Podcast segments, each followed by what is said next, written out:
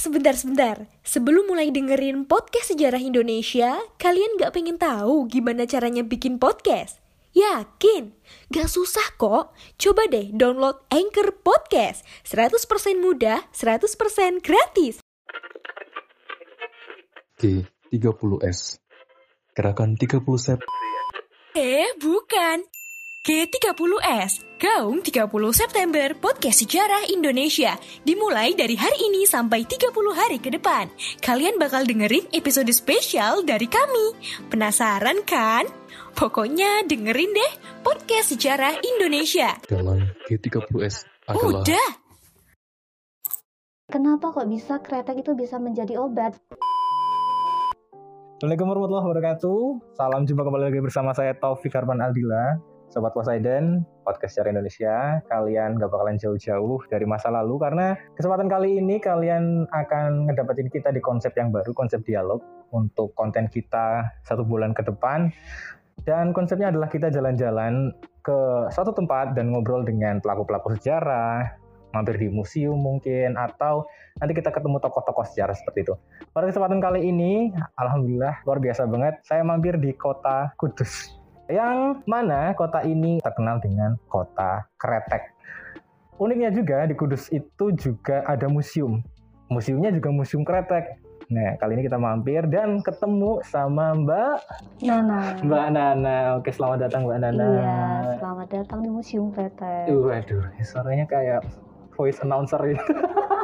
voice announcer dari Mbak Museum ya, luar biasa sekali. Mbak Nana, apa kabar? Udah berapa tahun Mbak di museum ini? Baru sih, baru dua tahun. Baru dua tahun Iya. ya. Mbak Nana itu memang apa dari jurusan sejarah kah atau gimana punya ketertarikan dengan sejarah atau gimana? Iya, sebenarnya kalau jurusan itu saya jurusan filologi. Nah, Eh, itu tentang naskah kuno. Oh, Iya, Wow. gitu. jadi tugasnya adalah untuk baca-baca naskah-naskah kuno. Iya, cuma kebetulan di Museum Kretek itu kan untuk naskah sedikit ya. Jadi Hmm. kita lebih banyak di koleksi tentang kretek. Nah, Wow.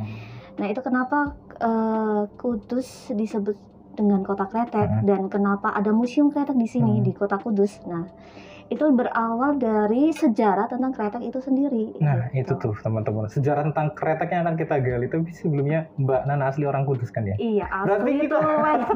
Tadi kita nggak salah ngobrol sama orang yang benar-benar asli dari Kudus nih. Tahu banget kenapa kok kota rokok gitu ya. Buat kalian yang yang perokok, waduh, ini konten 18 plus. Enggak sih, siapa aja yang mau tahu bahwa memang apa Kudus ini menjadi salah satu produsen dari rokok dan kalian biar tahu lah sejarahnya kayak gimana, biar enak juga, nggak cuma Hmm.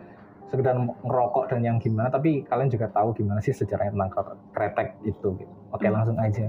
Gimana nih Mbak? Kok sampai Kudus kota kretek gitu aja dulu Iya. Kenapa? Jadi kretek mungkin eh, kalau disandingkan dengan rokok Hmm. ya mungkin lebih khusus lagi ya. Kalau Hmm. kretek itu sebenarnya dulu gini, ada warga asli Kudus, beliau bernama Bapak Haji Jamhari. Saat itu beliau menderita sesak dada sama batuk. Oh gitu. Zaman Iya. dulu belum dia diagnosa COVID gitu ya. belum ya, ya. Iya, belum. Oke, Belum, belum guys. Cuma dulu Belum, belum ada itu gitu. Iya. Ya, terus Terus beliau saat itu sudah mencoba berbagai macam pengobatan, Hmm. tapi ternyata belum berhasil. Dan saat itu sudah terkenal dengan khasiat cengkeh kan ya. oh cengkeh sebagai ya. obat herbal dan untuk meredakan sakit. Nah, beliau mencoba eh, rajangan cengkeh. Pertama itu dioles oleh beliau, dioles minyak cengkeh sama beliau. Hmm. Nah, dioles di dada sama di punggung. Nah, terus beliau merasa kok lebih enakan ya pakai eh, ramuan cengkeh. Oh, digosok gitu, ya. digosok aja dulu digosok. Ah. awalnya digosok gitu. Ternyata lebih enakan, lebih lega gitu kan. Terus beliau mencoba lagi biar lebih cepat sembuh gitu Hmm. kan. Hmm. Terus akhirnya eh, saat itu sudah ada budaya merokok, Oh, oh. budaya menghisap tembakau. Budaya hisap tembakau Iya, ya. di kalangan lelaki zaman dulu ya. Hmm. Masnya ngerokok ada? Saya kebetulan ya gimana jawabnya? saya ngerokok bener. Ngomong-ngomong di intermezzo ya. Iya. saya saya ngerokok dulu mbak. Coba tapi coba-coba Iya. ngerokok di waktu kapan ya? Kalau nggak salah SD atau SMP. Wah. Ibu bapak gue denger dong. ya, saya ngerokok dulu coba-coba ngerokok tapi setelah itu terus kemudian kayak batuk gitu karena emang langsung bener ya kalau konsepnya Hmm. dihisap kan berarti masuk Iya, ke sini kalau misalkan emang nggak pas banget dia kan batuk tau Iya, gitu. Cuma Hmm. kok bisa makanya ada ada pertanyaan kenapa kok bisa kretek itu bisa menjadi obat gitu Nah, itu, kan. Nah, itu, itu guys. iya Hmm. itu jadi dulu itu eh, sebelum disebut kretek ya Hmm. nah, Bapak Haji Jamari itu tadi kan eh, mencoba dengan eh, ramuan cengkeh Hmm. beliau oles ya eh, minyak cengkeh Nah, terus beliau merasa lebih enakan terus Hmm. akhirnya beliau eh, mencoba lagi dengan menghisapnya Hmm. Kan sudah ada budaya menghisap tembakau ya Iya. terus akhirnya beliau menambahkan cengkeh di situ rajangan cengkeh Minyak olesnya di. Eh, rajangan cengkeh Oh, cengkehnya dipotong-potong tuh. iya rajangan cengkeh nah Hmm. itu dicampur dengan sedikit tembakau Oh. ini lebih banyak cengkehnya karena beliau memang ingin mengambil manfaat dari cengkeh itu sendiri Oh, jadi cengkehnya itu yang dipotong-potong terus Iya. dilinting kayak gitu Iya. terus dirokok gitu bukan Iya. minyak ya minyak di bukan bukan rajangan tembakau gitu nah setelah itu eh, beliau melintingnya menggunakan eh, apa namanya kertas ya apa kertas namanya papir kertas ya ah, kertas papir ya ah. atau klobet zaman dulu Iya, juga ah. klobet zaman dulu nah terus beliau mengisapnya Hmm. Nah saat terbakar itu eh, kretek eh, apa namanya cengkeh Hmm. rajangan cengkeh itu ada keluar bunyi kretek kretek kretek. oh saat diisep. gitu teman-teman Iya. jadi kenapa kok kretek tuh bunyinya Eh, bunyi dari kretek bunyi dari cengkeh itu sendiri yang Oke. terbakar. kalian yang ngerokok kretek nih ya emang bener gitu tapi iya sih kalau misalkan teman saya kan kebetulan ngerokok semua nih Iya. ya. teman saya ngerokok semua terus kemudian ketika dia ngerokok tuh pasti ketika dinyalain dia hisap gitu kan pasti Iya. bunyi kayak gitu Iya. oh dari situ Iya dari situnya itu Hmm. terus disebutlah sebagai kretek gitu. disebutlah sebagai rokok kretek itu Iya. dan ah, manjur nih ceritanya Iya. manjur nih Iya, beliau eh, mencoba secara rutin Mhm. menghisap kretek eh, ciptaan beliau, berangsur-berangsur, akhirnya beliau sembuh total gitu. sembuh total Sembuh total, akhirnya kan berita itu tersebar di eh, saudara, Mhm. eh, tetangga dan lain-lain Mhm. kan. Akhirnya eh, mencobalah resep beliau oh, gitu. Akhirnya itu eh, menjadi industri rumahan saat itu banyak yang membuat Hmm. kretek. tapi emang itu tuh difokuskan untuk kreteknya untuk obat gitu ya Untuk obat, iya Hmm, betul. Bukan kayak sekarang kan untuk ya Iya, hmm, untuk keperluan industri dan Iya. yang lainnya terus ngerokok juga cuma sebagai hal tersebut. Berarti emang Iya. tujuan awalnya ketika rokok kretek itu adalah untuk penyembuhan dari si Pak Jamhari ini, iya Bapak Haji Jamhari. Bapak Haji Jamhari. Jadi ini. memang sudah beda beda komposisi sama beda fungsi ya Hmm. sama eh, rokok zaman sekarang gitu. oh, Ya itu. jadi untuk eh, apa ya mengenal beliau Hmm. makanya Kudus disebut sebagai kota kretek gitu karena emang awal mulanya ditemukan itu di Kudus Hmm. gitu. Emang emang di kota lain itu ada ada museum Ah, tentang rokok rokok, gitu. ya, Ah, ah, tapi ah. untuk kretek emang untuk di Kudus. Gitu. kan rokok kretek terus kemudian ada di Kudus itu karena memang dari Pak Jamhari ini Dari menemukan Bapak itu. Haji Jamhari yang menemukan kretek itu sendiri. Oh, berarti budaya merokok itu memang dari dulu. ya? Sudah dari dulu. Emang bener sih ya kayak orang orang rokok kebanyakan beberapa teman saya ketika ditanyain kenapa sih kok ngerokok? Belum ngerokok itu bisa jadi obat gitu. Tapi kalau misalkan jadi obat, tahu nggak mbak dia terapi berapa kali sampai dia sembuh? Kurang tahu. Orang tahu ya. Tapi kan gini, pertanyaan selanjutnya adalah setelah Pak Jamhari akhirnya membuat industri rumahan itu, Hmm. apakah terus kemudian semuanya industri rokok itu misinya sama kayak Pak Jamhari? Eh, nah itu makin berkembangnya. Ah. Jadi awal mula kan Bapak Haji, Haji Jamhari pengen menggunakannya sebagai obat ya. Ya. Terus akhirnya beliau menciptakan kretek ciptaan beliau. Heeh. Setelah beliau sembuh itu terdengar, akhirnya banyak yang pengen mencoba industri kretek itu sendiri. Nah makin ke sini makin ke sini kan menjadi besar ya. Hmm, Nggak cuma sekedar industri rumahan, hmm. dan akhirnya menjadi perusahaan. Nah, muncul salah seorang yang bernama Bapak Haji Niti Semito. Nah, oke. Nah, beliau adalah pelopor industri kretek di Hmm. industri rokok di Kudus. Iya. Gitu. Jadi kalau eh, Bapak Haji Jamhari kan baru eh, rumahan ya Hmm. eh, untuk pribadi ya sendiri. Jadi kalau untuk Bapak Niti Semito itu lebih ke perusahaan rokok. Jadi, Gitu. Jadi Pak Haji Jamhari ini dia ngebikin industrinya sendiri tentang rokok kretek itu, terus kemudian dipasarkan sendiri juga. Dipasarkan sendiri juga.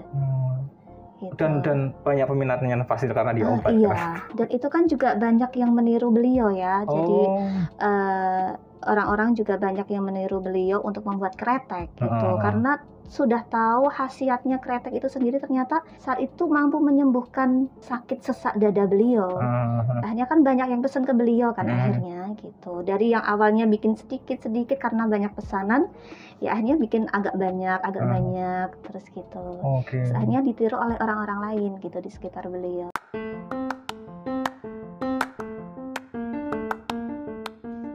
Halo Sobat Poseidon, kalian pasti sudah tidak asing lagi dengan Anchor. Yap, aplikasi penyedia jasa untuk para podcaster pemula dan juga pro.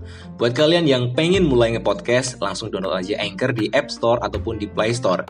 Di sana, kalian bisa nge-podcast dengan banyak banget pilihan background musik. Setelah itu, kalian bisa mempromosikan podcast kalian ke mana pun. Secara otomatis, nanti akan di-sharekan oleh Anchor sendiri. So, tunggu apa lagi? Cus, nge-podcast bareng Anchor.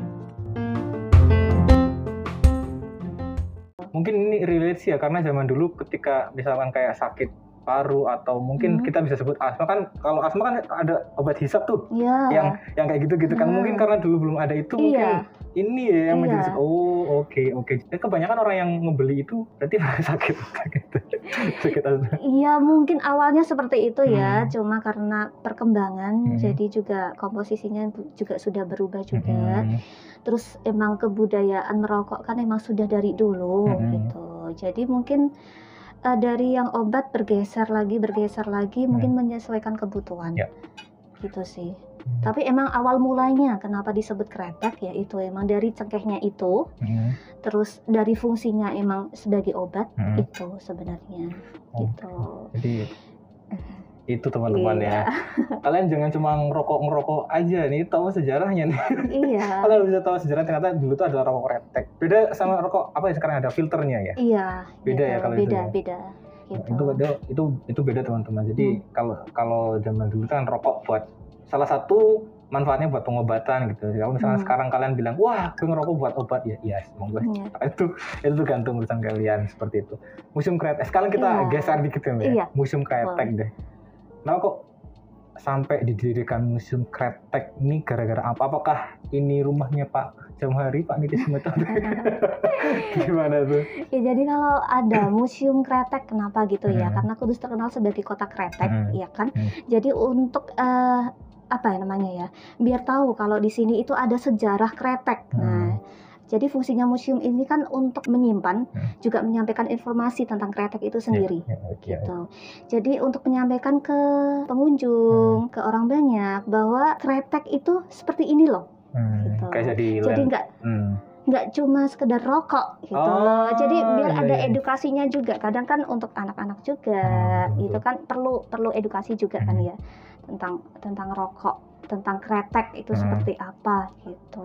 Ah, itu tuh itu penting tuh. Kenapa Iya. kok kemudian ada museum ini didirikan adalah sebagai sarana pastinya edukasi dong. Edukasi. Iya, biar Iya. dia biar siapa pun yang mau tahu kayak tadi mungkin anak, SD atau SMP tahu bahwa sebenarnya dulu tuh buat ini loh gitu Iya. buat buat nggak sembarangan kayak beli Iya. rokok-rokok gitu enggak iya, berarti iya. ya. Iya iya iya berarti itu salah satu gitu. salah satu pendidikannya museum itu Iya. buat itu banyak yang datang ke sini kebanyakan Iya, dari anak-anak dari segala usia lah ya, ya Hmm. dari anak kecil sampai usia udah orang tua gitu Hmm. kan, dari pelajar, dari penelitian, Hmm. dari mancanegara, ada semua dari semua kalangan. Jadi kan karena untuk informasi itu kan untuk semua kalangan ya, Hmm. gitu. Biar bisa diketahui khususnya masyarakat Kudus tahu lah sejarahnya kota Kudus, Oh. tahu sejarahnya tentang kretek, Ya. gitu kan. Itu terkhusus dan umumnya juga untuk masyarakat Indonesia Ah, lebih iya, iya. lebih tahu tentang kretek gitu. Nah, kalau misalkan kita main nih, misalkan saya mau main ke Kudus, akan disajikan apa aja sih? Nah, Apakah gitu. cuma eh, ini loh kayak kretek atau cuma Hmm. rokok itu ini misalkan kayak gitu. Hmm. Apa aja sih? Nanti kita akan disajikan apa aja kalau misalkan main ke musim kretek gitu Iya. misal. Gitu kalau ke Kudus itu banyak ya dari Ah. kalau industri kan ada rokok, Ah. terus ada jenang juga, terus ada lain-lain sih sebenarnya Ah. kalau untuk sejarah itu juga ada museum situs berbakala pati ayam. Oh, Jadi ah. nggak cuma sekedar rokok atau Iya. kretek ya, ada tentang sejarah fosil juga Hmm, di sini betul, betul, betul, betul, gitu. Terus juga tempat-tempat sejarah lain. Di sini juga ada Sunan Muria sama Sunan Kudus. Ke gunung ya. Nah, iya gitu. Ada ada wisata rohani juga, ada wisata sejarah Iya, juga iya, betul. gitu. Ada wisata edukasi. Apa makanannya yang Eh, tradisional? garang asem. Udah Sama pernah? apa ya? Lentok. Sama lentok. Ah, lentok Ya, ya. Oke, guys. Jadi yang belum tahu, lentok itu kayak makanan kuah bersantan ya, betul Hmm, ya, kuah iya. bersantan tapi di potongan-potongan kayak ketupat apa ya? Eh, Kayak lontong. Lontong ya? Iya, lontong. Ah, lontong terus kasih apa tuh di atasnya kayaknya kayak nangka muda atau Nah, apa gitu iya. kan. Terus nah, terus dimakan biasanya nanti ada toppingnya apa itu terus tinggal milih kayak Hmm. gitu. Jadi kalau misalkan kalian mau main-main, main aja dulu. Iya, ada Kalau, sate ah, kebu juga. Oh ini sate kebu benar. sate kebu. Kenapa orang Kudus nggak boleh makan sapi? Saya pernah tiga bulan mbak by the Iya. way di Kudus Hmm. dan emang ini agak nyimpang dikit ya cerita ya. Hmm. saya tiga bulan di Kudus dan kebetulan pas lagi saya tiga bulan di Kudus itu lagi Idul Adha. Hmm. Dan ketika ikut acara kayak gitu, eh, ikut acara kurban nih, kurban Hmm. gitu kan.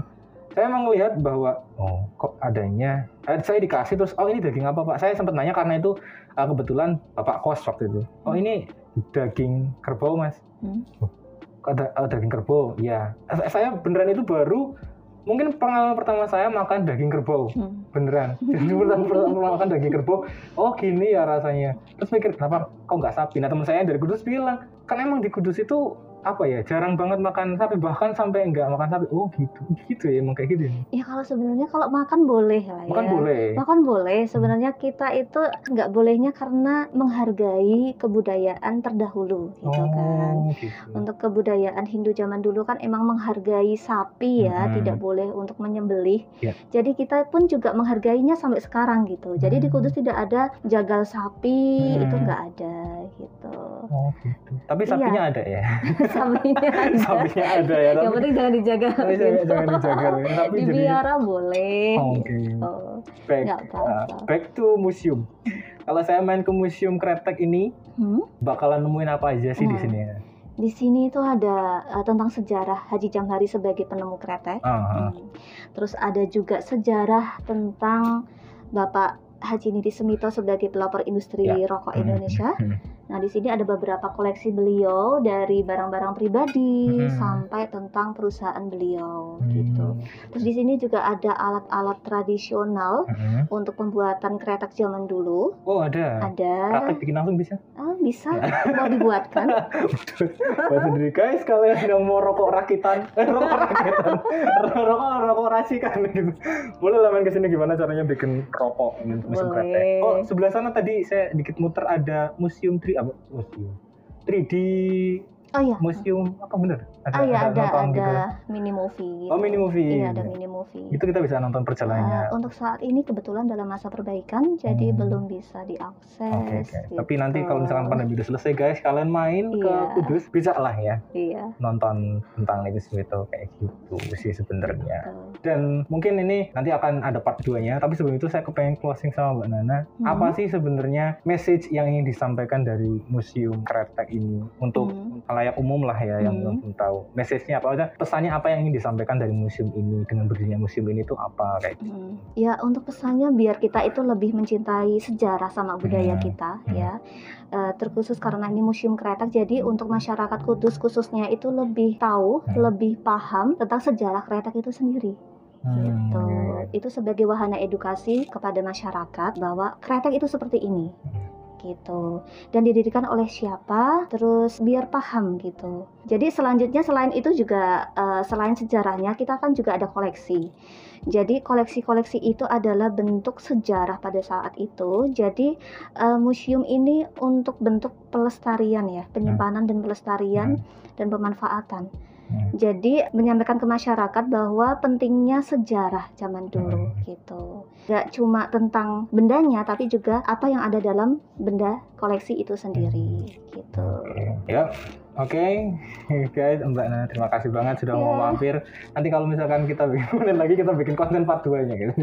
bikin konten part 2-nya terima kasih teman-teman yang sudah mendengarkan. Ini uh, sedikit bercerita dengan Mbak Nana, salah satu adminnya mbak. Iya. Nah, bagian admin dari Museum Kretek Kudus dan buat kalian yang masih penasaran silahkan buka aja di Google alamat lengkapnya ada di sana. Klik maps-nya biar kalian nggak kesasar. Ini tempatnya di alamatnya Di Jalan Getas Pejaten. Jalan Getas Pejaten. Iya, Kecamatan Jati, Kabupaten Kudus. Kecamatan Jati, Iya. Kabupaten Kudus.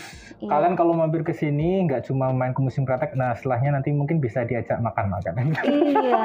Kan habis bercerita lapar ya. Iya, habis bercerita biasanya lapar. Ya, langsung aja main ke Museum Kretek Indonesia. Eh, Museum Kretek Kudus. Iya. Bilang aja Museum Kretek Indonesia kali ya, bisa kali ya.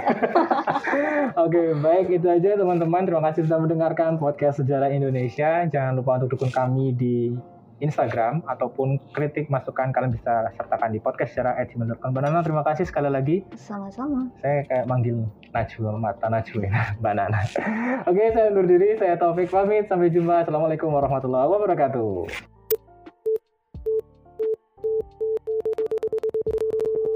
Terima kasih.